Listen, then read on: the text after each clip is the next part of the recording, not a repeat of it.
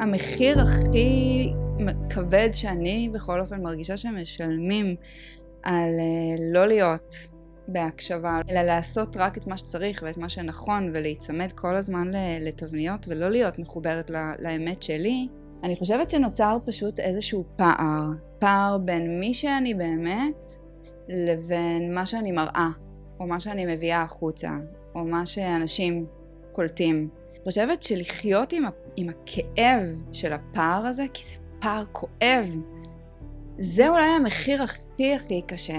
אבל זה באמת היכולת שלנו לחקור ולגלות, זה איזשהו משחק כזה של להסיר מעלינו שכבות של מה צריך וכל מה שלמדנו שאנחנו אמורות להיות במטרה לגלות את מי שאנחנו באמת.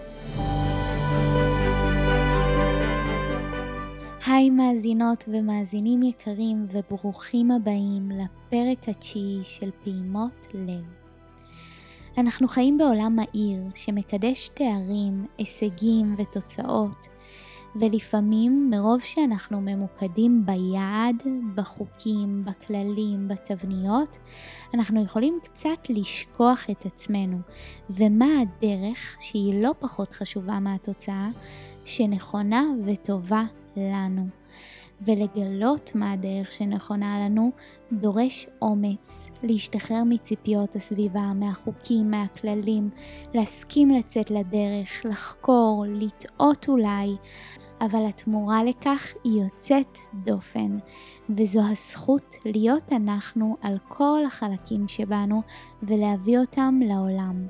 ואני חושבת שזו מציאות שכולנו ראויים לחיות אותה.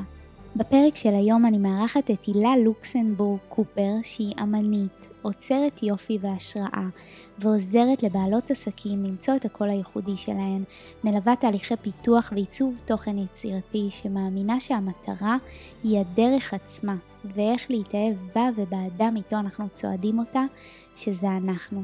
ואני אישית התאהבתי בה ובגישה שלה, ואני מתרגשת שגם אתם תאזינו לה היום. ובפרק שיתפנו בשבעה כלים חשובים שיוכלו לעזור לכם להתחבר לדרך האותנטית שלכם, מעבר לכללים, לחוקים, לציפיות הסביבה, ובכך גם להתקרב להגשמת החיים שאתם רוצים. אותם גם סיכמתי עבורכם בסוף הפרק. בפרק נתנו מענה לשאלות כמו מה זה אומר לאהוב ולקבל את עצמי?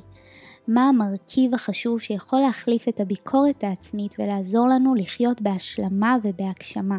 ומהם הכלים הפרקטיים שיוכלו לעזור לכם לחיות את החיים בדרך שלכם, איך שנכון לכם לחיות אותם, ובכך להתקרב להגשמת הרצונות העמוקים והאותנטיים שלכם. בעיניי זה פרק מרתק ומרגש, ואני מקווה שגם אתם תרגישו ככה ותהנו ממנו ותלמדו ממנו. ואם נתרמתם מהפרק, ממש אשמח, כמו תמיד, שתשתפו אותו עם כל מי שאתם חושבים שהוא יכול לתרום לו גם. אז יאללה, פתיח ומתחילים.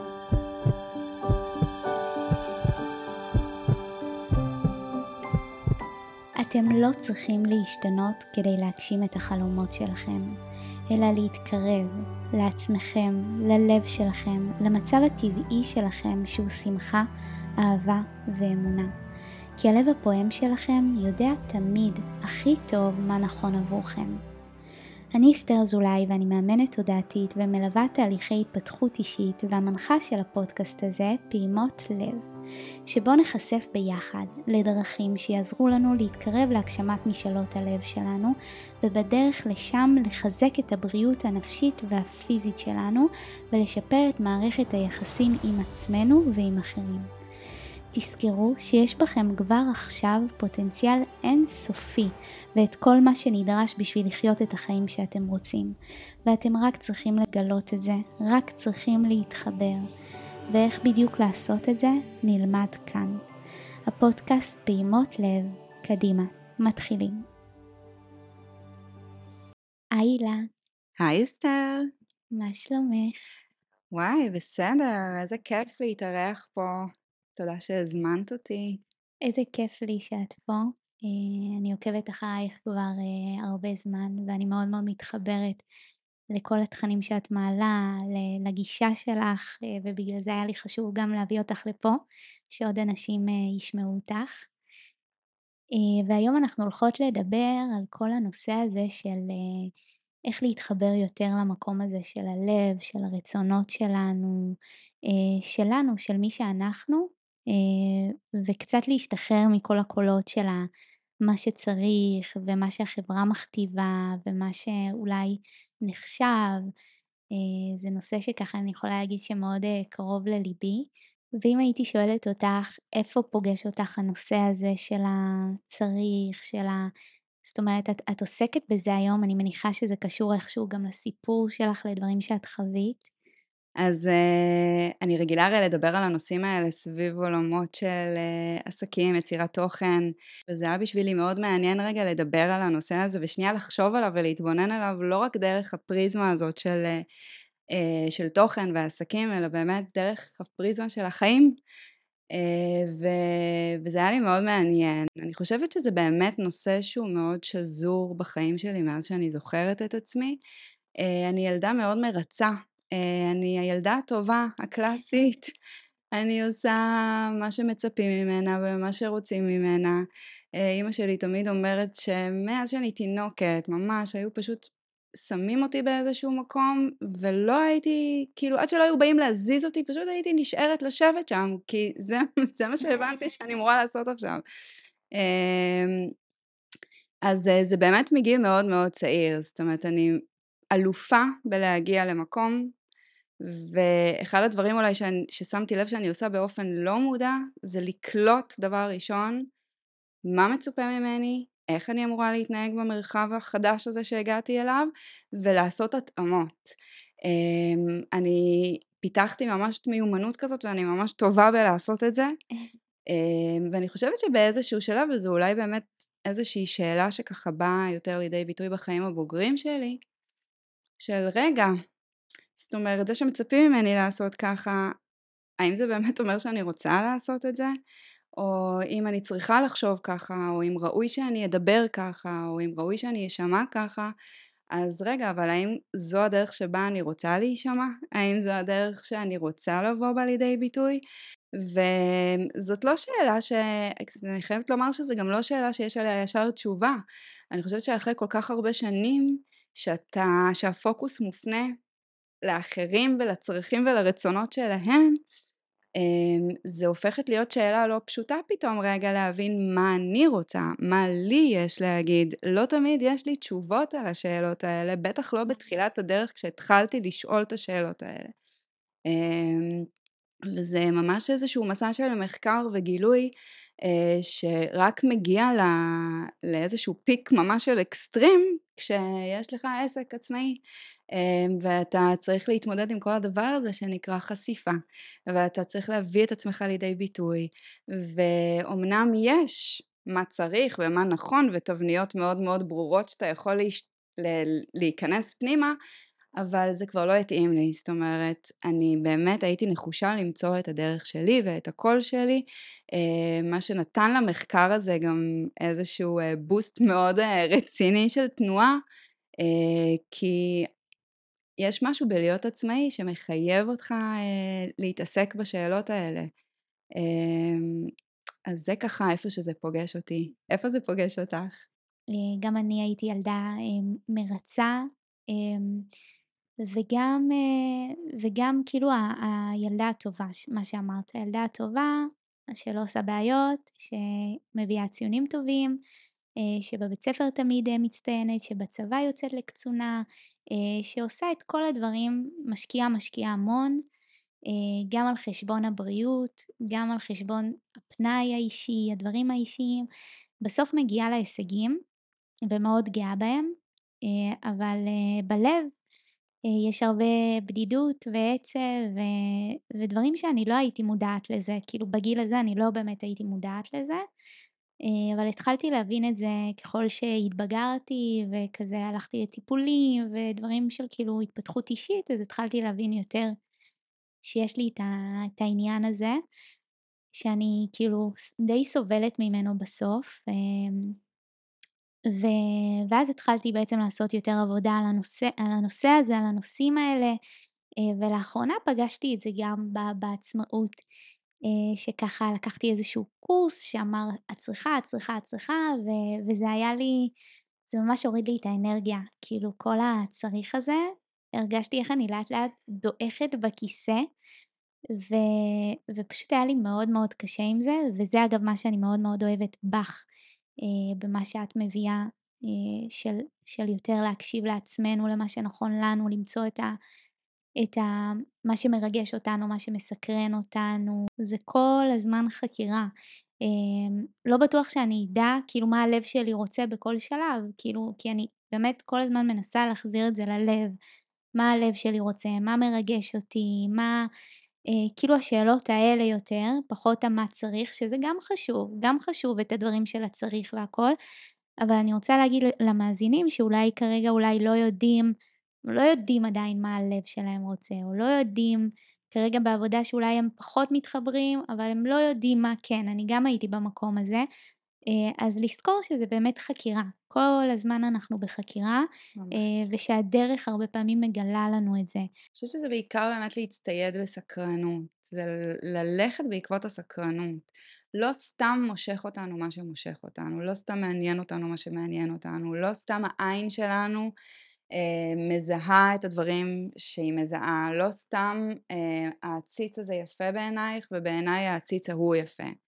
זאת אומרת אפילו תפיסת היופי שלנו היא לא סתם, כל דבר כזה הוא קצה חוט שלנו אל עצמנו, אל מרחבי הייעוד שלנו, אל מי שאנחנו.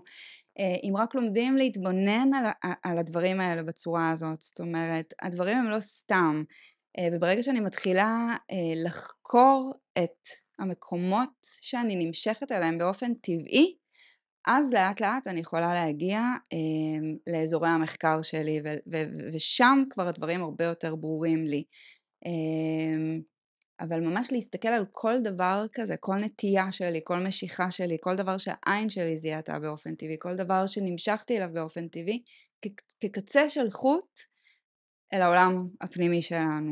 אבל זה באמת היכולת שלנו לחקור ולגלות שזה נראה לי בסוף מה שבאנו לעשות בחיים האלה, זה איזשהו משחק כזה של להסיר מעלינו שכבות של מה צריך וכל מה שלמדנו שאנחנו אמורות להיות במטרה לגלות את מי שאנחנו באמת.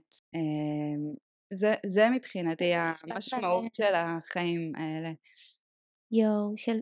זה באמת, אני מאוד מתחברת לזה, למקום הזה שבתוך תוכנו, בפנים בפנים אנחנו יודעות או יש את המידע של מה נכון לנו, מה יעשה לנו טוב, באמת, כאילו לא, לא מה צריך. ו- וזה באמת להסיר את כל האמונות האלה שספגנו, את כל הסיפורים, את כל החוויות אולי, את כל הקולות של הסביבה, ולאט לאט להתחבר למקום הטהור הזה של, של מה אני רוצה, של מה עושה לי טוב, של מה מרגש אותי, של איפה אני מביאה את עצמי. ממש ממש אהבתי את המשפט הזה. לכן אני חושבת שגם להגיד מה לא זה לא פחות חשוב מלמצוא מה כן, זאת אומרת לפעמים שם זה מתחיל. Uh, לפעמים אני עוד לא יודעת להגיד מה כן ומה אני רוצה או לאן אני נמשכת אבל אני כן יכולה להגיד מה מרתיע אותי. Mm-hmm. אני כן יכולה להגיד מה מכווץ אותי. Uh, אני סתם אקח רגע את העולם שבו אני מתעסקת, העולם של, uh, ש, של יצירת תוכן. אני אולי לא יודעת מה הדרך שלי להביא את עצמי לידי ביטוי או הדרך שלי ליצור תוכן ש, שאני באמת אוכל להביא את עצמי בצורה אותנטית. אבל אני כן יכולה לשים לב שכל פעם כשאני רואה פוסטים בסגנון כזה וכזה משהו שם לא עובד לי, משהו שם מתכווץ לי, משהו שם, אה, אה, אני תמיד אדלג על הפוסטים האלה והם לא יהיו אלה שימשכו אותי או אפילו הם ירגיזו אותי באיזושהי צורה זאת אומרת, לפעמים זה להתחיל דווקא שם בלהבין מה לא, מה לא מתאים לך, מה לא נכון לך, מה לא עושה לך את זה, אה, מה מנוגד לערכים שלך. לפעמים הכעס הזה ש, שמתעורר בנו זה כי יש שם משהו שמנוגד לערכים שלי. אז ברגע שאני מרגישה את הקיבוץ הזה, אז אני מתחילה לחקור ולשאול, שזה אגב אולי הדבר הכי בסיסי, שאני חושבת אה, שאנחנו, אה, שכדאי לנו לפתח כמיומנות, זה לנהל שיח אה, עם עצמנו. לנהל ממש איזשהו שיח אה, סקרן, לא, לא שיח מאשים, למה עשית ככה, מה הבעיות שלך, לא כזה, אלא שיח ממש מעניין למה התנהגת ככה עכשיו, ממש מעניין למה הגבת, ממש מעניין למה הפוסט הזה כיווץ אותך, את יודעת מה? אני שמה לב שזה לא פעם ראשונה שפוסט כזה מכווץ אותך, כי גם שבוע שעבר היה לך בדיוק את אותו הדבר. אז למה זה מכווץ אותך? כאילו בואי נתבונן על זה רגע, ממש איזשהו שיח כזה של סקרנות עם עצמי, אמ, ו- ולפעמים להבין גם מה לא. אני פתאום אומרת, אוקיי, זה מה שמכווץ אותי, כי אומרים לי פה בצורה חד משמעית שאם אני לא אעשה 1, 2, 3, אני לא אוכל להצליח. אבל למה אומרים לי כאלה דברים חד משמעיים? אני מכירה אנשים שלא עושים 1, 2, 3 וכן מצליחים, אז, אז, אז, אז למה אומרים לי את זה בצורה כל כך חד משמעית? למה מקבעים את המחשבה שלי בצורה כל כך... אני פתאום שמה לב שמקומות שיש בהם רק אמת אחת, זה מקומות שאני לא מעוניינת להיות בהם. ואם זה מקומות שאני לא מעוניינת להיות בהם, אז אני יכולה להסיק מזה לגבי המקומות שאני כן רוצה להיות בהם. לגמרי. זה בדיוק חלק מהחקירה של הרבה פעמים אנחנו נמצאות באיזה מקום, זה יכול להיות אפילו מישהי שיוצאת לדייטים, והיא יוצאת לדייט עם איזה בחור, ואז היא מבינה, טוב, את זה אני פחות מתחברת לסגנון הזה, או זה פחות מתאים לי, אה, ולאט לאט היא מבינה מה היא כן רוצה, אה, כנ"ל לגבי עבודה מסוימת, זה באמת, הלא הזה הרבה פעמים מאוד מאוד עוזר להתקרב לכן, למה כן אני רוצה. אה, גם איזשהו מקום ראייה ביקורתית, במובן טוב, של לא לקחת את כל מה שאומרים לי כמובן מאליו, כזאת האמת, אלא לעצור ולשאול האם זה משהו שמתאים לי, שיכול לעבוד לי, שאני מתחברת אליו, אה, אז זה נראה לי גם משהו שמאוד אה, יכול לעזור בעניין הזה. הייתי שמחה לשאול אותך, אה, מה את חושבת שהמחירים שאנחנו משלמות או משלמים על זה שאנחנו מחוברים לקול הזה של ה... או יכולות להתחבר לקול הזה של השכל, לקול הזה של הצריך, של החייב, של החוקים, הכללים. זאת אומרת, דיברנו באמת על זה שיש יכולים להיות פחדים של לצאת מהמקום הזה, כי זה מה שמקובל, זה מה שנהוג, מה יגידו, mm-hmm. אבל, אבל למה בכל זאת כן לעשות את זה, או מה, אם אני לא עושה את זה, אז איך זה אולי יכול לפגוע בי, אני יכולה לספר גם מהחוויה האישית שלי, כל החיים שהלכתי עם מה שצריך, מאוד מאוד היה לי קשה בדרך. אה, הייתי גם מאוד נוקשה עם עצמי, הייתי מאוד אה, ביקורתית עם עצמי וקשה עם עצמי ומציבה לי יעדים מאוד מאוד גבוהים ו- והיה לי מאוד מאוד קשה בדרך. אה, ו- ונכון הגעתי ליעד, היה לי כיף לכמה שניות, היה לי הכרה, היה לי כבוד ואחרי כמה זמן זה, ההכרה הזאת הלכה ושוב חזרתי למרוץ הזה, למרדף הזה, אל עבר ההישג הבא. אז זה היה מאוד מאוד קשה בדרך, זה היה מאוד מתיש, מעייף. אה, וגם בסוף אה, לא מחובר לעצמי, למה שאני באמת רוצה. אה, לא בטוח שבאמת רציתי נגיד לצאת לקצונה. אני באמת עד היום לא יודעת אם זה באמת משהו שרציתי או שהלכתי פשוט כי זה מה שצריך, כי זה מה שמצופה, כי זה הכי טוב. תמיד רציתי להיות הכי טובה. אז, אז אני יכולה להגיד שהמחירים אצלי זה גם בהרגשה שלי, גם הרבה פעמים זה היה גורם לי להרגיש לא טוב פיזית, זה היה משפיע על איך שאני הייתי חולה פתאום, אה, ו- ותמיד הייתי הולכת עושה את הבדיקות והכל היה יוצא תקין, הכל בסדר, אבל אז, אז הבנתי שזה מהלחץ, מהמתח, מה... אז, אז שם וגם כמו שאמרתי לך לפני כמה חודשים שעשיתי איזשהו בעניין של, ב, בעניין של העצמאות ואמרו צריך לעשות ככה, צריך לעשות ככה, צריכה לפרסם ככה, צריכה לעשות ככה הרגשתי שזה ממש ממש מוריד לי את האנרגיה, מוריד לי, מרחיק אותי מהיצירתיות שלי, מהמקום הספונטני, מהמקום של רגע, אבל כאילו, לי יותר עובד נגיד לכתוב פוסט פעם בשבוע נגיד, אה, או לכתוב אותו באותו רגע ואז לפרסם ולא להכין אה, חודש מראש, כי אני לא מצליחה לעשות את זה. אז, אז פשוט הבנתי ש, שהדברים האלה הם, הם לא מתאימים לכל אחד, מה, ש, מה שממליצים, מה שמציעים, מה שנכון, הוא לאו דווקא נכון לכל אחד, ושם זה היה המקום שלי של אה, של רגע הבנתי שזה ממש מוריד לי את האנרגיה, אפילו לא הרגשתי טוב כמה ימים, הדברים האלה באמת מאוד מאוד משפיעים עליי. אה, ו- ושם כאילו התחלתי קצת יותר אה, לנסות להבין מה, מה בעצם מפריע לי שם, והבנתי שזה המקום הזה של הנוקשות. אני בעבר הייתי יותר מתחברת לאנשים, אגב, שאומרים, את צריכה, את זה, אני כאילו שמה לב שפעם הייתי עוקבת אחרי כאלה אנשים, ואלה היו גם הדמויות שהייתי אה, מעריכה.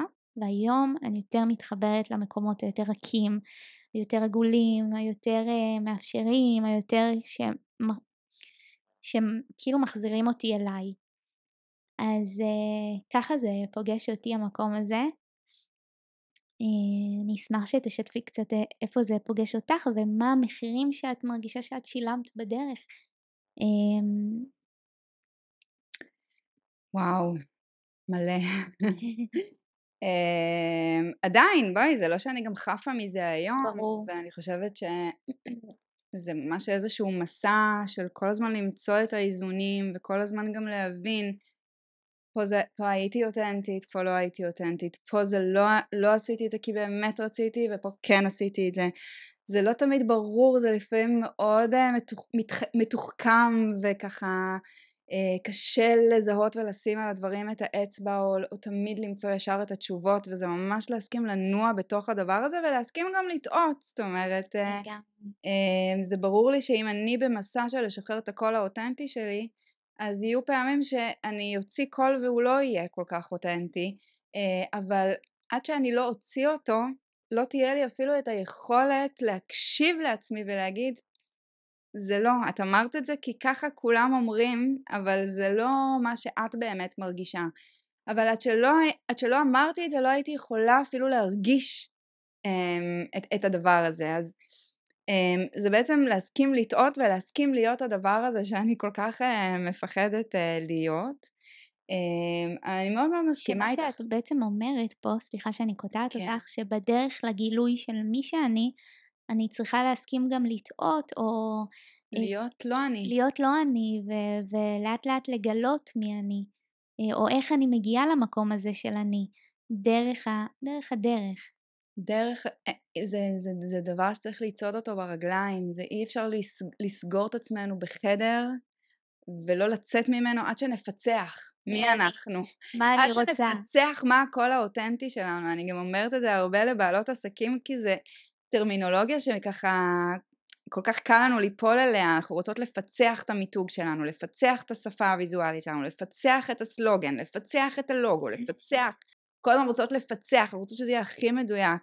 אני כל הזמן אומרת, מזכירה לעצמי, לשחרר בכלל את המונח הזה, אין פיצוחים, יש גילויים, זה מסע של גילוי והוא אין סופי אה, והמסע הזה צריך לצעוד אותו ברגליים, זה לא מסע שקורה בין ארבע קירות, אה, לא משנה עם איזה איש מיתוג מדהים אני יושבת. בסוף אם אני באמת רוצה לגלות את המיתוג שבו אני אוכל להרגיש בו אני הכי אני, אני צריכה לגלות ולצעוד את הדבר הזה ברגליים. אה, אז אין פיצוחים, יש רק גילויים, ואני חושבת שבאמת המחיר הכי כבד שאני בכל אופן מרגישה שמשלמים על אה, לא להיות בהקשבה, לא, אה, זאת אומרת, כל, אלא לעשות רק את מה שצריך ואת מה שנכון ולהיצמד כל הזמן לתבניות ולא להיות מחוברת לה, לאמת שלי, אני חושבת שנוצר פשוט איזשהו פער, פער בין מי שאני באמת לבין מה שאני מראה, או מה שאני מביאה החוצה, או מה שאנשים קולטים. והפער הזה, האנשים מבחוץ לא תמיד יקלטו אותו. נכון. אה, אבל אני תמיד יודעת אותו.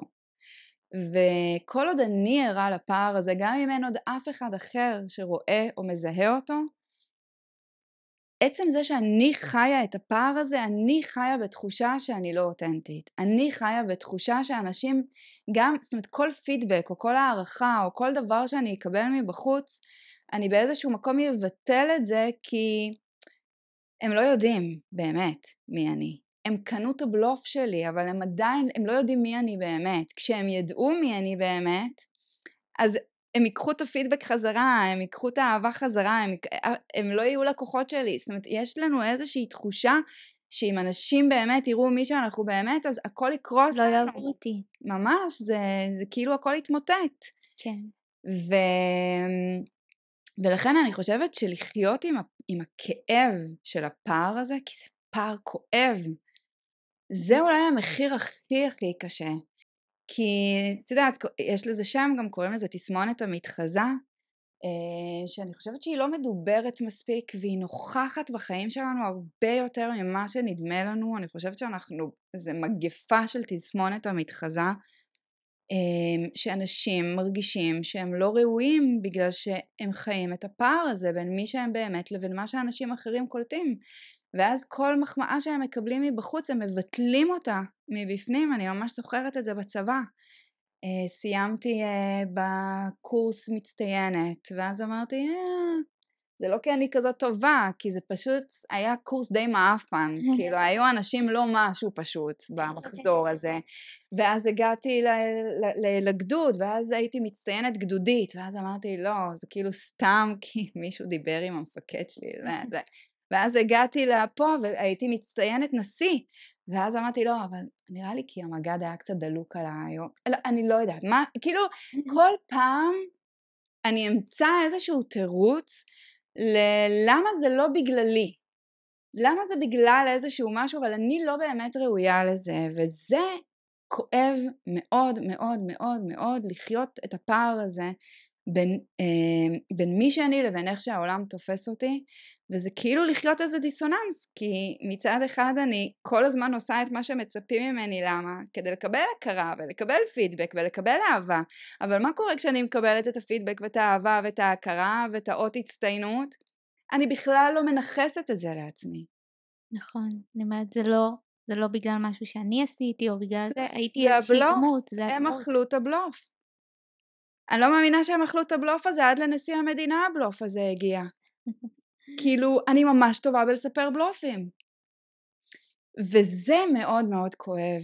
זה אולי בעיניי המחיר הכי גדול שמשלמים על הדבר הזה, זה התחושה שגם כל מה שיש לי בחיים הוא לא בזכותי, הוא לא בזכות מי שאני.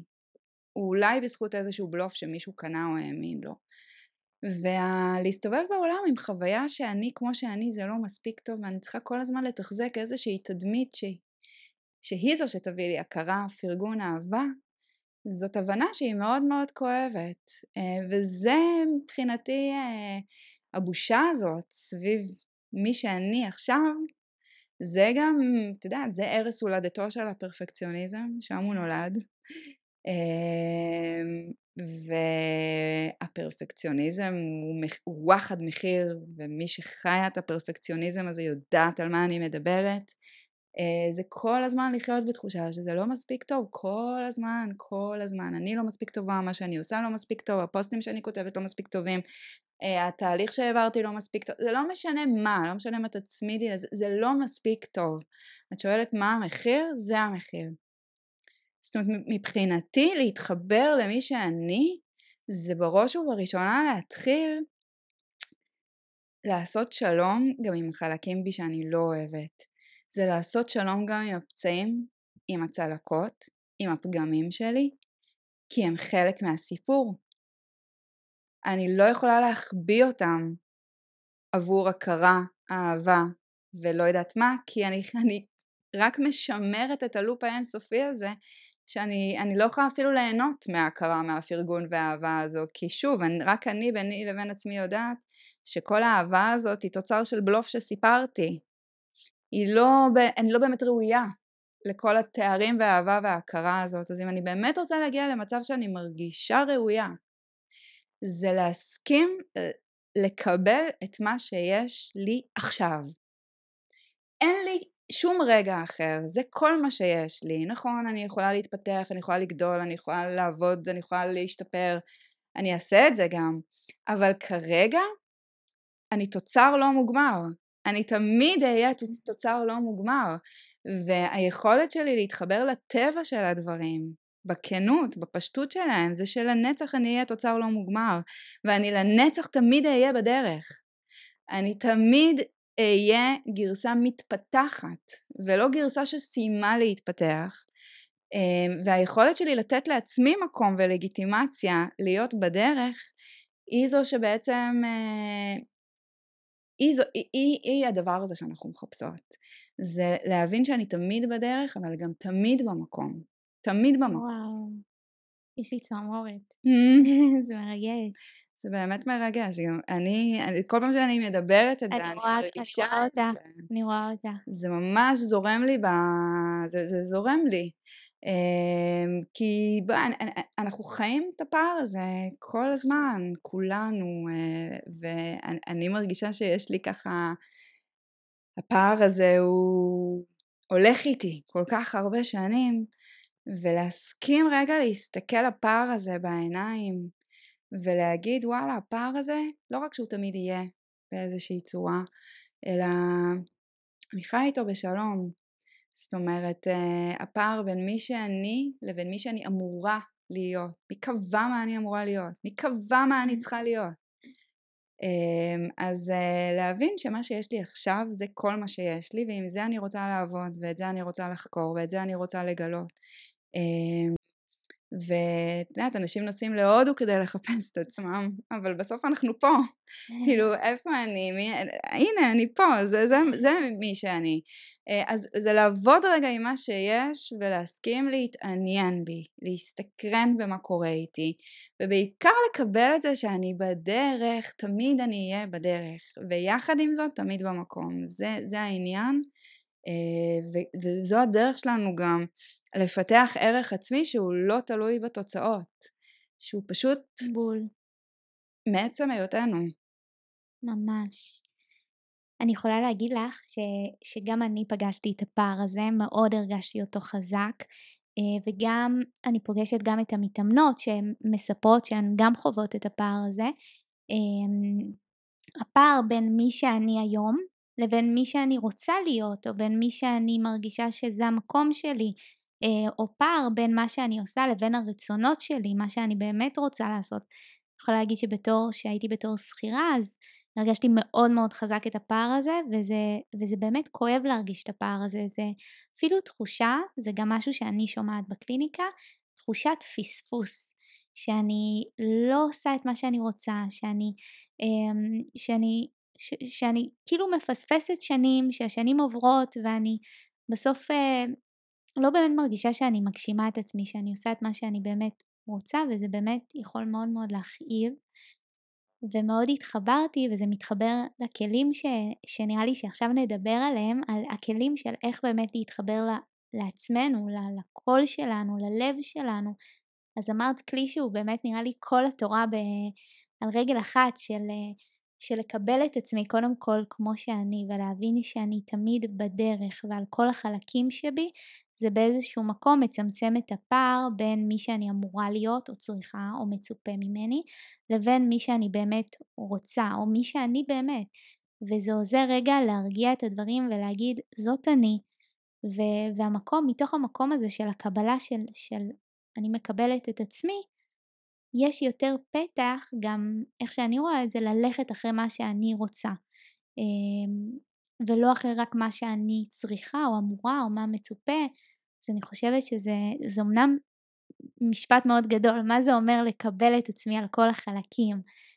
אמ, בא לך להרחיב אז אני אגיד על זה משהו כן. אמ, אני חושבת שנורא קל לנו פשוט לעבוד רק עם הדברים הפוטוגנים כן? כאילו בואו נעבוד עם החוזקות שלנו למה צריך uh, להתעסק בפגמים, בחולשות so called, כאילו, ואני אומרת, להפך, דווקא בואו נתעסק בפגמים. Uh, אני חושבת שיש לי איזשהו פטיש לפגמים. אגב, התמונות שאני מצלמת, uh, לא סתם גם העיניים שלי יש פטיש לפגמים. אני חושבת שזה הרבה יותר מעניין. יש איזושהי תפיסה בחסידות שמדברת על אה, זה שלכל אחד מאיתנו יש מתנות, שזה בעצם החוזקות שקיבלנו, ויש את המגבלות, שזה בעצם החולשות שלנו, הדברים שיותר מאתגרים לנו, הדברים שפחות באים לנו באופן טבעי, ויש את האוצרות. מה זה האוצרות? האוצרות זה בעצם המתנות שמחכות לנו במגבלות. ולמה זה אוצרות ולא מתנות? כי אוצרות בניגוד למתנות זה משהו שצריך לחשוף. זה משהו שצריך לגלות. אמ, וזה היופי באוצרות, זאת אומרת שדווקא הפגמים, דווקא המקומות היותר מאתגרים, אמ, ברגע שאנחנו מסכימות להתבונן עליהם ולחקור אותם, אז שם מחכים לנו האוצרות, שם אנחנו באמת יכולים להבין על עצמנו דברים ולקבל מתנות שהן הרבה מעבר למתנות אה, שקל לנו לראות אה, בעיניים ולשים אה, לב אליהן. אמ, וזה ככה גם בטבע, זאת אומרת האוצרות הכי גדולים נמצאים במחשכים אה, וגם אצלנו, זאת אומרת היכולת לא לשים בצד את הפגמים שלנו אלא לנוע יחד איתם ולנהל איתם איזשהו שיח. למשל אמ, אמ, אם אני חושבת על עצמי שאני אה, לא יודעת, תני לי איזשהו פגם. פרפקציוניסטית. פרפקציוניסטית, מהמם. אז אני יכולה להאשים את עצמי על הפרפקציוניזם שלי. יופי, עוד פעם לא הוצאת את זה, עוד פעם לא זה, עד מתי, נה נה נה נה נה. את השיחה הזאת, את השיח הזה אנחנו מכירות מעולה. Uh, אגב הוא שיח גם נורא משעמם, מאוד צפוי, כאילו לא קורה שם שום דבר מעניין בשיח המאשים הזה uh, ואני יכולה לקחת את זה למקום של שיח יותר מעניין, של שיח של סקרנות, של מעניין ממש למה בחבילה הזאת שאני קיבלתי יש פרפקציוניזם. למה? זאת אומרת, זה לא, המתנות שקיבלתי הן לא סתם, אבל גם המגבלות שקיבלתי, לא קיבלתי אותן סתם. ומעניין למה הייתי צריכה לקבל פרפקציוניזם בחבילה שלי כדי לחקור את שאלות המחקר שלי, כדי לנוע בתוך המרחבים שאני אמורה לנוע בהם. מה הפרפקציוניזם נתן לי במתנה? מה הוא נותן לי במתנה? ומה התג מחיר שלו? זאת אומרת, אה, אני מאמינה שעל כל דבר טוב שקיבלנו יש גם איזשהו תג מחיר. יכול להיות שהפרפקציוניזם שלי הוא תג מחיר של משהו חיובי אחר שמניע אותי, שמניע אותי בחיים ועוזר לי בחיים. זאת אומרת שלהסכים רגע להתבונן על הפגמים, שוב, לא בצורה חד משמעית של טוב ורע, אין, זה, לא, הדברים הם לא או טוב או רע, אלא הכל לטובתי, הכל לטובת ההתפתחות שלי, זאת בול. הכוונה. ואם הכל לטובת ההתפתחות שלי בעולם הזה, אז אני יכולה להתחיל להתבונן ולשאול את עצמי, למה הייתי צריכה לקבל את הדבר הזה לטובת ההתפתחות שלי? זה השיח של סקרנות במקום שיח שמנסה, במקום לגרש את הפרפקציוניזם או להעלים ממנו עין או, או לג... שלא יראו, להסתיר, זאת הבושה, אז להזמין אותו רגע לקפה, בוא נשמה, כפר עליך, בוא ננהל רגע שיחה, בוא, בוא נדבר, בוא, בוא נתבונן רגע אחרת על, ה, על, ה, על הדבר הזה, ושם, שם יש אוצרות. זאת ההתפתחות הכי הכי משמעותית, כי היא לא מגיעה מתוך המתנות החשופות, אלא מתוך האוצרות שגילינו וחשפנו במעמקים, במחשכים, וזה מרגש אותי, אני חייבת לומר, זה מרתק וזה מרגש ורק אה, בשביל זה שווה לעשות את זה. אז זה כבר, זה הכלי הראשון שככה... של איך לקבל את עצמי? כן, זאת אומרת להבין שאני יצור שלם, שיש בו גם וגם. אמ, ואני לא יכולה לצפות מעצמי להיות רק צד אחד, רק טוב, רק מוארת, רק אור. לא, אין אור בלי חושך. האור הוא חסר משמעות בלי החושך. יש בי גם חושך ויש בי גם אור ואני רוצה ללמוד לדבר גם עם החושך שלי ולהתחיל לחשוף את האוצרות שיש מתחתיו. אז זה הדבר הראשון. אני רק אגיד על כן. זה שבאמת המקום הזה שנותן מקום לה, גם לה, כאילו לחולשות שלי, לדברים שאני פחות אוהבת בי, נגיד את הפרפקציוניזם, אז באמת יש לו הרבה מאוד צדדים חיוביים, מאוד עזר בחיים, עזר לי לפחות בחיים, אה, אבל גם יש לו צדדים שפחות עשו לי טוב, אבל עצם זה שאת אומרת אני מקבלת אותו, אני נותנת לו מקום, אני מבינה שהוא חלק ממני ורואה גם את הדברים הטובים שהוא נתן לי, באיזשהו מקום זה מפחית את העוצמה שלו, כי כל מה שאנחנו מתנגדות לו, כל מה שאנחנו אה, לא נותנות לו מקום, בדרך כלל הוא יוצא עוד יותר לדחוף חזק. לעומת זאת כל מה שאנחנו מקבלות ואומרות בוא תשב אין בעיה אתה פה אתה חלק ממני אתה, אתה מי שאני ו- וזה בסדר ויש לך מקום כאן באיזשהו מקום זה יש איזשהי אה, שחרור כזה יש איזשהו שחרור ואז אה, זה חלק מהאפקט של הדבר הזה. יש משפט שאני מאוד אוהבת מהספר בדרך להיות של אה, פרטר שאומר אל תילחם בדבר עסוק בו. בול. איזה משפט מהמם. אה, וזה בדיוק זה, כי אנחנו לרוב נלחמות, אבל כן. אה, ברגע שאנחנו מסכימות להפסיק, כאילו להניח שנייה את המלחמה ורגע להתעסק בדבר, שוב, לא ממקום מאשים אלא ממקום של סקרנות, זה בעיניי זה המפתח, זה הריפוי אה, האמיתי. אני יכולה להגיד אגב פרפקציוניזם, שאני למשל כל כך ברור לי למה אני פרפקציוניסטית. ברמות הקשות אני פרפקציוניסטית. וזה מאוד מאוד ברור לי, כי אם אני באתי לחקור בעולם הזה שאלות של ביטוי עצמי אותנטי, אמ, זה משהו שהייתי חייבת לעבור דרכו, כי הרי אחד הדברים שהכי מונעים מאיתנו לבוא לידי ביטוי בצורה אותנטית, זה, זה הבושה. והבושה היא בעצם השער לפרפקציוניזם. אז אם אני רוצה באמת לחקור את הדבר הזה ולעבוד עם אנשים על הדבר הזה, אני חייבת לקבל את הפרפקציוניזם, אבל להכיר אותו היטב. להכיר אותו אה, עם כל המופעים שיש לו בחיים, ועם כל הדרכים שבהם הוא מרים את הראש, ואת לא מבינה בכמה דרכים הוא מרים את הראש, רק על זה אנחנו יכולים לפתוח לא רק פרק פודקאסט, אלא סדרת פודקאסט שלמה, כן? זה, זה מטורף. עכשיו, כנראה שאני קיבלתי את זה כדי שאני אהיה מסוגלת לחקור את זה אה, ולהעביר את זה הלאה. זאת אומרת, אה, אני ממש ממש כל הזמן עובדת עם החולשות, הפגמים, הדברים היותר קשים, אני מתעסקת בהם, משתדלת להתעסק בהם ולגלות ולחקור ולחשוף באמצעותם אה, ולא, ולא להילחם בהם, זה אין, אין, אין טעם, זה לא עובד. אז זה דבר אחד.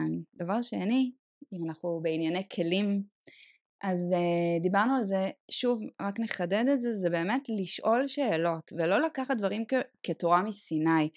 אנשים מדברים איתנו כל כך חד משמעי.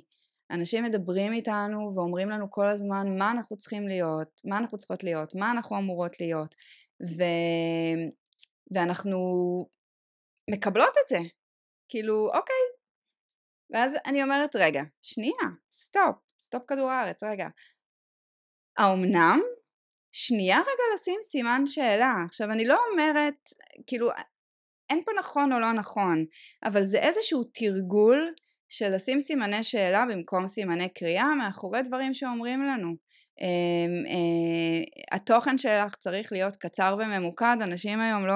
אה, אין להם זמן. לא יראו סרטון של יותר מדקה וחצי, כאילו דקה וחצי בלחץ, נשמה. עכשיו אני לא יודעת לדבר דקה וחצי, באמת, לא יודעת. אז אם אני צילמתי סרטון של חמש דקות, אז זהו, זה לא טוב, אני לא יכולה להצליח עם סרטונים של חמש דקות. אם אני בן אדם שמדבר בצורה יותר מעמיקה, אני לא יכולה להצליח, אין לי מקום בעולם הזה ליצור תוכן ולהתבטא. שנייה, רגע, סימן שאלה, נכון, אז כנראה שבעולם של היום סרטונים של דקה וחצי אה, יתפסו יותר תאוצה, אבל אני אגיד לך יותר מזה, אם אני אצלם סרטון של דקה, הוא לא יעביר את המהות שלי. אני אולי אצליח בסוף לעשות את זה, אבל אני לא באמת אעביר את, המהות שלי לידי ביטוי, אז, אז מה עשיתי בזה? אז אני מעדיפה לצלם סרטון של שלוש דקות או של חמש דקות, כמה זמן שהיה לי לדבר, אני מעדיפה להעביר הרצאה גם אם צריך, כי זה המקום שלי לדבר באריכות ולעומק כמו שאני אוהבת. זאת אומרת, ל- ל- ל- למצוא את הדרך האותנטית הטבעית שלנו להתבטא ולא לקחת כתורה מסיני כל דבר שאומרים לנו שצריך ונכון לעשות. רגע להציב סימן שאלה זה דבר ראשון ודבר שני אחרי שאני מציבה סימן שאלה אני מחפשת הוכחות לקיום ההפוך של, של הדבר הזה זאת אומרת אה, אם אומרים לי שאני אה, צריכה להיות כל יום בסטורי אחרת אי אפשר לבנות קהילה ב-2023 אז קודם כל אני מציבה סימן שאלה, שנייה, האומנם? ודבר שני שאני עושה, אני שואלת את עצמי, רגע, את מכירה אנשים שלא נוכחים כל יום בסטורי ועדיין מצליחים? תחפשי אותם רגע, בואי נראה מה הם עושים, בואי תחקרי רגע את, את איך שהם עובדים בעסק שלהם. יש כל כך הרבה דרכים, אבל אנחנו לפעמים סתם תקועות על איזה תבנית או על מפת דרכים שמישהו חילק לנו שעובדת לו, עם מפת הדרכים שלו, אני צריכה לשרטט את מפת הדרכים שלי, ושוב, זה כל הזמן גילוי ומחקר וטעייה. להסכים לטעות בתוך הדבר הזה. לגמרי. אם אני רגע אה, חוזרת על מה שאמרת, שאמרת שלשים סימן שאלה קודם כל, ואז למצוא את ההוכחות לדברים שהם לאו דווקא ככה. אם אני חושבת נגיד על דוגמה שנגיד מישהי שעובדת באיזה מקום ו- ו- ולא טוב לה, לה לא טוב, אומרים שצריך לעבוד במשרד הזה והזה, שזה משרד מאוד נחשב, יש בו תנאים טובים, ו... אבל לה לא טוב בסוף. אז המקום הזה של לשאול, רגע, אבל זה, בשבילי זה טוב? אוקיי, אז יש לי קולגות שממש סבבה להם וטוב להם, ואז יכולות, יכולים לעלות הקולות של מה, אני פגומה, משהו בי לא בסדר, אבל בסוף זה, זה החברה שלא מתאימה לה. אה, אז המקום הזה של לשאול, לשים סימן שאלה ולראות, לי זה בסדר, הביקורת הזאת, לי זה מתאים, אה, ו- ו- ואחרי זה באמת למצוא את ההוכחות של, אה, של אנשים שנגיד הלכו ו- ועובדים במה שהם הכי אוהבים ומצליחים ומרוויחים כסף, שזה כאילו לשנות קצת האמונות שלנו, וזה שוב מתקשר למקום הזה של החוסר ודאות, שאני הולכת אחרי מה שצריך ואחרי מה שמוכתב, יש לי ודאות, אני יודעת שאני, שאם אני אעשה, אומרים לך אם תעשי את זה, תשיגי את זה. אבל את לא בטוחה שאם את תעשי משהו אחר, נכון, יש דוגמאות, אבל אולי, אולי זה לא יצליח, אולי זה לא יעבוד, ושם זה באמת uh, יכול להפחיד, uh, אני חושבת. נכון, מעניין. זה דרך לה, למצוא את הדרך שלנו ולעצב את הדרך שלנו זה, זה, זה, זה, זה דורש הרבה אומץ, אני חייבת לומר, זאת אומרת, זה לא... אה, את יודעת, תמיד אומרים, אה, את רוצה זה, פשוט תהיי את. פשוט. פשוט, כן. אה, אגב, כל דבר שאומרים פשוט, זה בסוף, לא זה הדברים הכי לא פשוטים. אמ, אבל לא, זה לא פשוט, וכאילו חשוב לשים את זה על השולחן, זה לא פשוט, וכל מי שמרגישה שזה לא פשוט לה, גם שלא תרגיש רק שזה לא פשוט לה, זה לא דבר פשוט, זה לא דבר פשוט לשים את עצמנו אה, חשוף ולהביא פגיעות איתנו ו, אה, וללכת כנגד מוסכמות ולשבור תבניות ודפוסי מחשבה ולקבל צקצוקים מההורים, מהחברה, מהבן זוג ש, אה, ש, שסקפטי, שמאמין, כל אחד בא עם האמונות שלו ואנחנו גם צריכים עכשיו לקחת את כל האמונות גם של כל מי שסביבנו על הכתפיים שלנו. זה לא נעים, זה לא תמיד פשוט, אמ, ואף אחד גם לא מבטיח לנו שום דבר, בואי. נכון. אמ, אבל את יודעת מה, אף אחד לא מבטיח לנו כלום בכל מקרה. נכון. ואם זה המשחק של החיים אז אני מעדיפה לשחק אותו ככה, כי הרי שום דבר גם ככה, התוצ... התוצאות הן אף פעם לא בשליטתי. אמ, ולכן כל מה שיש לנו זה את הדרך. וככל שהדרך הזאת תהיה יותר בהלימה עם הטבע שלי, ככה אני אוכל יותר להיות מוזנת ממנה ולא רק מהתוצאות, אם הם יגיעו או לא יגיעו. כשהדרך אבל לא באה בהלימה לטבע שלי, אז אני לא מצליחה להיות מוזנת ממנה. אני במאמץ, שם אני מרגישה את המאמץ, שם אני מרגישה את העייפות, כי אני נגד הטבע שלי, אני נגד הזרימה הטבעית שלי, אני נגד הדברים, אני נגד הערכים שלי, אני נגד, אני נגד. ו- ו- ו- ושם אנחנו מרגישות מאמץ. אז uh, זה, uh, זה, זה גם משהו ש, ש, ש, שחשוב לומר אותו בהיבט הזה. בדיוק, שזה באמת איזשהו מקום לא טבעי לי, זה לא מקום ש, שהטבעי לי, ואז יש הרבה יותר מאמץ שנדרש ממני, עייפות, תשישות, ו, ו, וגם דיברנו מקודם של זה בסדר שיהיה מאמץ, זאת אומרת זה בסדר שגם אם אני הולכת ועושה את מה שאני הכי אוהבת או אה, נמצאת עם הבחור שאני הכי אוהבת זה בסדר שיהיה איזשהו מאמץ כי שם זה ההתפתחות. אם הכל היה קל וזורם וקליל אז לא, לא באמת היינו מתפתחות במציאות הזו זה בסדר אבל, אבל לראות שזה יהיה באמת מאמץ מדויק מה שנקרא אה, ולא ממקום שאני מרגישה זה לא המקום שלי, שקול כזה שאומר לי זה לא המקום שלי, זה מנוגד לערכים שלי, זה מנוגד לטבע שלי, זה הפער הזה בין מי שאני למה שאני רוצה, אז אה, זה בדיוק האיזון הזה אה, של המאמץ. וכן חשוב לשים פה רגע סוגריים שהרבה מאוד פעמים אנחנו קובעות על דברים שהם לא אני או הם לא בשבילנו או זה לא בטבע שלי לא כי הם לא באמת בטבע שלנו אלא כי אנחנו מנסות קצת לברוח מהם. וזה עניין שהוא טריקי ואני בכוונה ככה אומרת אותו כי צריך לשים לב לפעמים לדברים האלה. זאת אומרת הקביעה של לא זה לא בשבילי זה לא אני. יגידו לי עד מחר שאני צריכה לצלם וידאוים אבל לא זה לא הטבע שלי אז שנייה כי לפעמים אנחנו נופלות שם בפח ולפעמים אנחנו פשוט לא מוכנות להתמודד עם המאמץ הזה ש, ש, שהרחבת אזור הנוחות דורשת אמ, ואז אנחנו לא עושות את זה ונשארות במקום כי לא, זה לא אני. אז גם לפעמים נותנים קצת אובר קרדיט למשפט הזה, וגם בו צריך להתעמק, לגלות, לחקור, לשים סימני שאלה גם על הדברים האלה שאנחנו אומרות לעצמנו.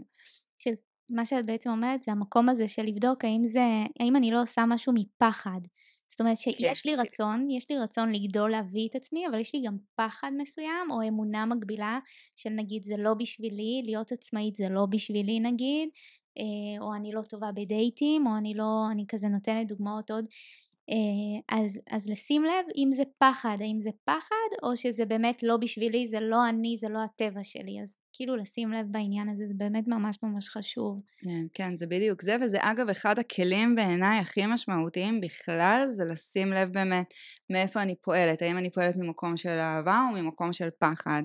האם אני אה, אה, הולכת אה, לבקר את אה, סבתא שלי בגלל שאימא שלי כל הזמן אומרת לי שזה לא בסדר וזה לא יפה ואני צריכה ללכת לבקר את סבתא או כי יש לי איזשהו קול בראש כזה שכל הזמן הילה זה לא בסדר את לא הולכת לסבתא את צריכה ללכת לסבתא שלך את צריכה לשאול את סבתא האם אני עושה את זה כי צריך כאילו מתוך איזשהו פחד של אני עושה משהו לא בסדר או אני לא בסדר או האם אני עושה את זה מאהבה? האם אני רוצה ללכת לבקר את סבתא שלי? האם אני רוצה ללכת לשחק איתה דומינו? האם אני רוצה ללכת לשתות איתה קפה?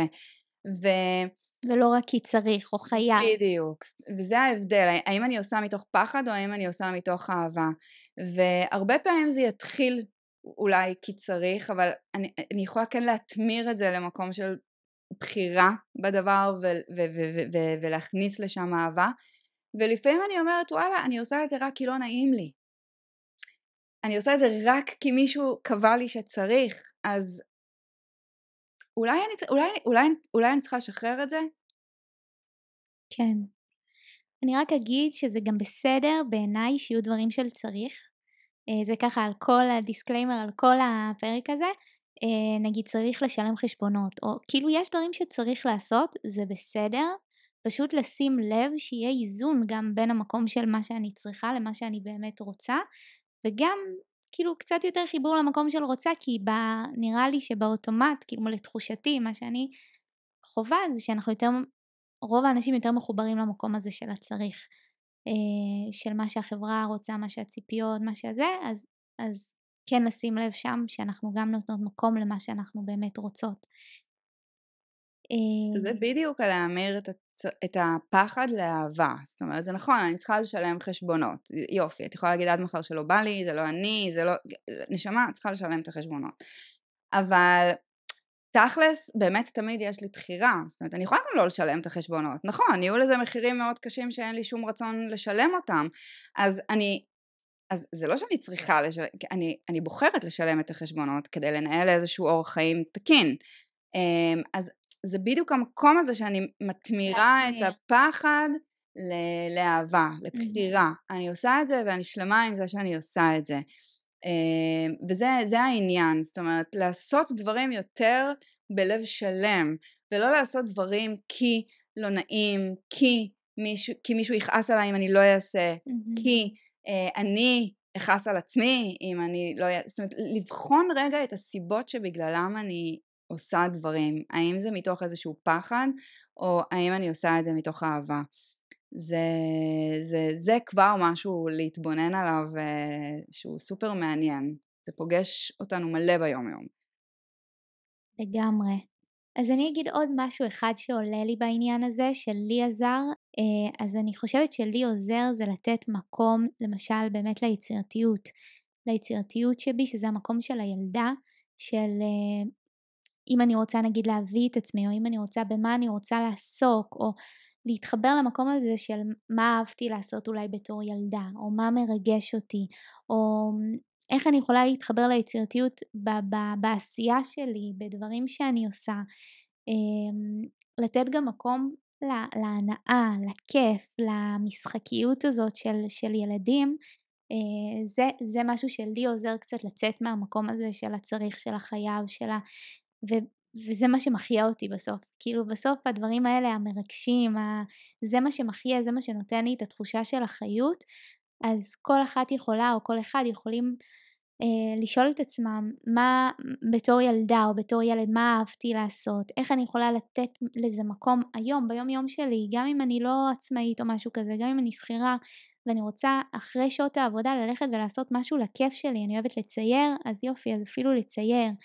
אני אוהבת um, לשיר, אז ללכת ולעשות את זה ולתת מקום ל, ל, לילדה זה כאילו להגיד לה, אני, ממי אני רואה אותך, את פה, יש לך מקום, uh, ו, ואני חושבת שזה עושה הרבה מאוד, um, הרבה מאוד uh, שלווה כזאת, uh, מקום יותר uh, נינוח, יותר uh, שלם, כשיש מקום לחלקים שבנו, שכולם מקבלים מקום, אז משהו יותר נרגע.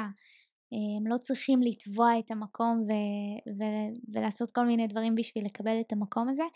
זה משהו שגם אה, אני חושבת שיכול לעזור, כמובן אה, כל אחד יכול לקחת מה שהוא מתחבר, כמו שאמרנו פה לאורך כל הפרק. אמ, יש עוד כן. משהו שהיית רוצה להוסיף? אני רק מחזקת אותך, כי זה באמת אה, נקודה חשובה. יש משהו בלחזור לדברים שעשינו ממקום נקי. עוד לפני שהיינו צריכים להרוויח כסף, עוד לפני שהיינו צריכים uh, לשלם uh, שכר דירה, עוד לפני, עוד לפני שהתחלנו לעשות כל מיני דברים לשם ולמען, אז היינו עושות דברים סתם. והדברים האלה שהיינו עושות סתם זה קצה חוט מאוד מאוד מאוד חשוב לעבוד איתו כשאנחנו רוצות ככה להיכנס פנימה ל, ל, ל, ל, להתקרב לטבע הזה שלנו ולהתחיל להתחיל לעשות את זה יותר גם אם אין לזה מטרה, וזה אולי העניין, כי אנחנו כל כך חושבות כבר בצורה פרודוקטיבית, אין לנו זמן לעשות דברים שהם לא פרודוקטיביים. מה זאת אומרת שעה תצרי עכשיו עם חתיכות נייר? כאילו זה נותן לך משהו? זה מקדם את העסק שלך באיזושהי צורה? אז כאילו באיזה קטע יש לך זמן לזה עכשיו? אבל לא, זה, זה, זה העניין, זאת אומרת, קצת קידשנו יותר מדי את הפרודוקטיביות. ויש דברים שעצם העשייה היא, מטרה. היא המטרה. וזה בעצם העניין, זה אגב גם התרגול של, מבחינתי הדרך היא המטרה הכי גדולה שאני מציבה לעצמי, וזה אחרי שהגעתי ל... והשגתי מטרות. חייתי את ההצלחה ואת חלום ההצלחה כמו שדמיינתי אותה תמיד, ופתאום הבנתי שזה לא, לא מזין ולא ממלא אותי כמו שחשבתי. זאת אומרת, שנייה אחרי ההצלחה כבר חזרתי לדרך, ולא הייתי יכולה יותר לצעוד בדרך שהיא לא נעימה לי ולא בהרמוניה למי שאני. Uh, האם ידעתי מה הדרך שכן נכונה לי? לא. אבל ידעתי מה לא. ועם זה התחלתי לעבוד ועם זה התחלתי uh, uh, ללכת. כמו שכבר דיברנו בזה, זה להתחיל לפעמים מהמה לא. אבל uh, כן, זאת אומרת, זה, זה, זה כל הזמן למצוא את הדרך שלך כי זה הדבר היחידי שיש. התוצאות הן רק עוד נקודה על על הדרך. זאת אומרת, אחרי שנייה את חוזרת לאותה הדרך. נכון. אז זאת מבחינתי המטרה הכי גדולה, והיכולת שלנו באמת לשהות בתוך המרחב הזה של הדרך, אה, בלי שהערך העצמי שלנו יהיה תלוי כל הזמן בתוצאות, זה, זה להסכים לעשות דברים, זאת אומרת שעצם העשייה היא תהיה, זאת תהיה התוצאה, זאת תהיה המטרה, זאת תהיה הגמול, התגמול שלי מהדבר הזה. אז אם לשחק עם ניירות, אם לצלם, אם לאסוף בלוטים, אם לא יודעת מה, זה מה שאת מרגישה שממלא אותך, מזין אותך, זה מה שאת אוהבת לעשות, אז uh, זה הכי פרודוקטיבי בעולם. פשוט תעשי את זה. אמ, אני גם מאמינה שכשאנחנו עושות את מה שאנחנו הכי אוהבות, בדרך כלל גם שם יש את השפע. שם אנחנו הכי פורחות, שם אנחנו הכי תורמות לעולם, ואז מגיע גם השפע. אז בסוף זה גם מתחבר באיזשהו מקום לפרודוקטיביות, אבל גם הדרך הרבה יותר נעימה, היא הרבה יותר אה, מספקת, מפתחת, אה, אז אני באמת, אני חושבת שסיכמת את זה כל כך יפה, את המקום הזה של הדרך אה, לעומת המטרה, להתרכז באמת בדרך וכמה שפחות להיות תלויות בתוצאות. אני חושבת שזה משהו שהוא כל כך חשוב ועם זאת כל כך קשה גם אה, ליישם את זה וזה כל הזמן להיות בעבודה על זה. נכון. כל הזמן. אבל שוב, זה, יש, יש, זה כאילו, זה משפט נורא מבאס, זה כל הזמן להיות בעבודה על זה, נכון? זה כאילו מייאש. אמ, אז זה ממש, אני גם דואגת להזכיר לעצמי, כי מבחינתי לשמוע משפט כזה של כל הזמן זה עבודה על זה, אני מרגישה שאני מבפנים, כאילו יש בי איזה מורדת כזאת של מה, מה כל הזמן העבודה הזאת, לא בא לי את העבודה הזאת כל הזמן. אז נכון. אני, אני כאילו צריכה לעשות לעצמי גם reframing כל הזמן לדבר הזה, זה, זה כאילו, וואי, ממש מעניין איזה דברים אני עוד אגלה על עצמי במסע המטורף והמרתק הזה. אמ, זאת אומרת, כשאני מציגה את זה ככה זה נותן לי כוח, זה אוויר. נותן לי אוויר, ממש. אמ, אז אה, זה לא תמיד מהנה, אבל זה תמיד יכול להיות מעניין כשמסתכלים על זה ממקום של גילוי, של חקירה, של להכיר את עצמי יותר, להבין שלהיות, פשוט להיות אני, אמ, זה משהו שאנחנו חיים שלמים מגלים. זה המסע שלנו בחיים האלה, לקלף את כל מה שחשבנו שאנחנו אמורות להיות במטרה לגלות מי אנחנו באמת. וזה כמו בצל, וזה עוד קליפה, וזה עוד קליפה, ולפעמים אנחנו מסירות איזה קליפה כזאת רצינית, ונראה לנו שזהו, חשפנו את מי שאנחנו. אבל לא, נשמה, יש עוד קליפות, עוד קליפות, עוד קליפות, יש, זה אינסופי, זה, זה כאילו חפש את המטמון אינסופי, שהמטמון הוא אנחנו. המטמון הוא אנחנו, ועצם, ולא באמת מוצאים אותו אף פעם. זאת אומרת, זה לא שיש איזשהו רגע שזהו, מצאנו. אלא אנחנו מוצאות אותו כל הזמן, אבל גם אף פעם לא מוצאות אותו עד הסוף. זה המשחק. אמ, ואי אפשר לשחק את המשחק הזה בלי סקרנות. ככה אני מרגישה, שכאילו אי אפשר לשחק את המשחק הזה בלי סקרנות, בלי החיבור הזה למקום של הילדה, בלי לקבל סימני דרך, ממש למשחק את הסיפור הזה, כי אחרת זה כבד מאוד. לגמרי, ממש אהבתי את הטרמינולוגיה של משחק לעומת uh, עבודה. זה ליהנות מהדרך. אפשר ליהנות ממנה ככל שממשחקים אותה, וככל שמבינים שעם כל הרצון שלנו ליהנות מהדרך היא אולי לא תמיד תהיה מהנה, אבל היא תמיד יכולה להיות מעניינת. ומשמעותית. וזה משמעותית, ממש, ממש.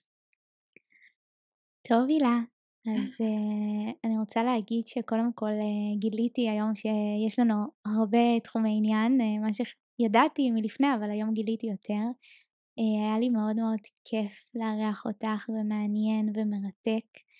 Uh, אני רוצה לשאול אותך גם אם, uh, אם איפה אפשר למצוא אותך, אם בנות כזה רוצות, אז אה, אם בא לך קצת להגיד.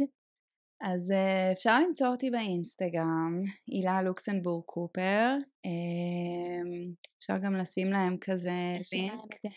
אמ, אז שם בעיקר אני מרכזת אה, גם את כל התוכן שלי וגם את כל כל היופי שאני יוצרת ביום יום שלי, ככה אני מרגישה שאני סוג של ציידת יופי ביום יום.